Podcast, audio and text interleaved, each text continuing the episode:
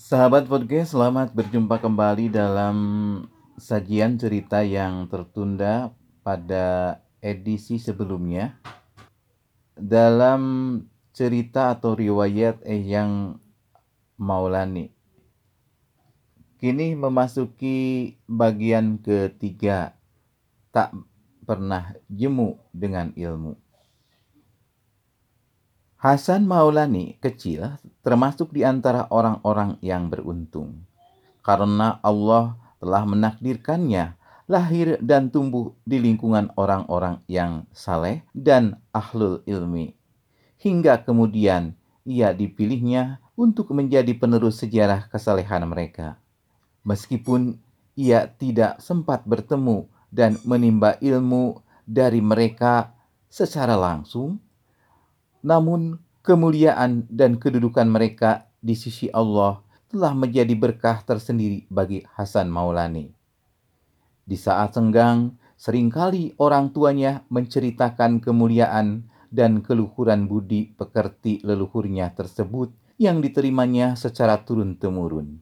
Ia juga sering diajak mengunjungi makam-makam mereka.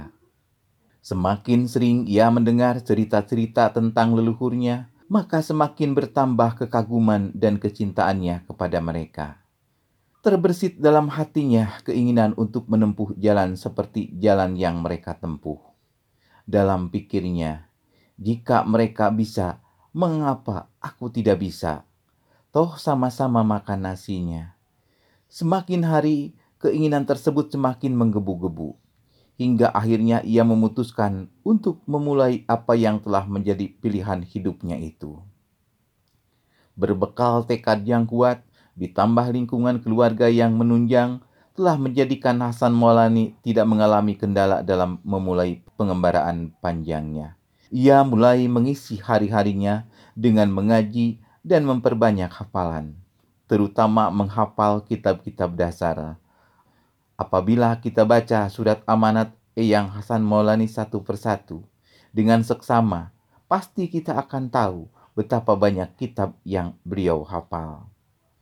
Sulitnya keadaan pada masa itu sama sekali tidak menyurutkan semangatnya belajar Hasan Maulani.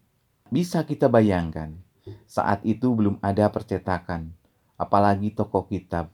Sehingga untuk bisa mengaji sebuah kitab mau tidak mau ia harus menulisnya terlebih dahulu. Oleh karenanya, kitab-kitab yang beliau miliki semuanya merupakan tulisan tangan atau manuskrip. Itu pun untuk memperoleh sebuah kertas tulis, ia harus mengusahakannya dengan bersusah payah, karena selain sulit didapat, harganya cukup mahal. Namun demikian, keprihatinannya selama menjalani masa belajar disertai dengan rajinnya melakukan tirakat telah menjadikannya lebih mudah memperoleh futuh atau terbukanya ilmu dari Allah.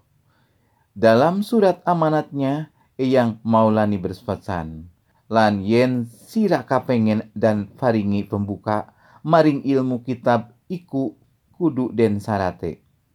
Samangsa tinemu sarate, mangka tinemu masrute. Sarate iku kudu betah luwe lan kangelan lan demen nahu. Dan apabila kamu ingin menguasai kitab kuning, maka itu ada syaratnya. Jika syaratnya terpenuhi, maka akan terpenuhi pula apa yang disyaratkannya. Syaratnya harus berani tahan lapar, mau bersusah payah, dan belajar ilmu nahwu. Melalui bimbingan guru-gurunya, setahap demi setahap Hasan Maulani mulai menguasai berbagai fan atau cabang ilmu agama. Mulai dari yang dasar hingga yang sifatnya wawasan, dari mulai yang hanya teori hingga yang rasa. Dalam salah satu surat amanatnya yang Maulani berpesan, Lan maninge isun duwe panjaluk maring sira kabeh anak putu. Mugi-mugi pada bibinahu ilmu kitab kawitan Al-Quran serta tafsire nahwu, fikih, usul, toriko, tasawuf, den weruh murode lan lakune. Mangka sawuse weruh den buang maning. Tegese ajak rumah sa bisa, ajak rumah sa lewih, ajak rumah sa ngungkule liyane, ajak rumah sa kuasa, ajak rumah sa kuat, ajak rumah sa mulia, ajak rumah sa sugi. Dan juga aku punya permintaan kepada kalian anak cucu. Hendaknya kalian belajar ilmu kitab. Pertama adalah Al-Quran serta tafsirnya. Nahwu, fikih, usul fikih, toriko, dan tasawuf. Supaya dipahami maksudnya serta cara mengamalkannya. Setelah diketahui, buanglah semuanya Maksudnya, jangan merasa punya kemampuan, jangan merasa unggul, jangan merasa lebih dari orang lain, jangan merasa mampu, jangan merasa kuat, jangan merasa mulia, dan jangan merasa kaya. Ada beberapa pesantren yang pernah disinggahi oleh Eyang Hasan Maulani menurut catatan Eyang Sorry, yaitu satu pesantren Pangkalan Eh, selama satu tahun lima bulan dua pesantren kadu gede selama dua tahun delapan bulan tiga pesantren pasawahan Cirebon selama satu tahun satu bulan. Dan empat pesantren kadu gede untuk kedua kalinya selama satu tahun tiga bulan. Demikian sekilas cerita.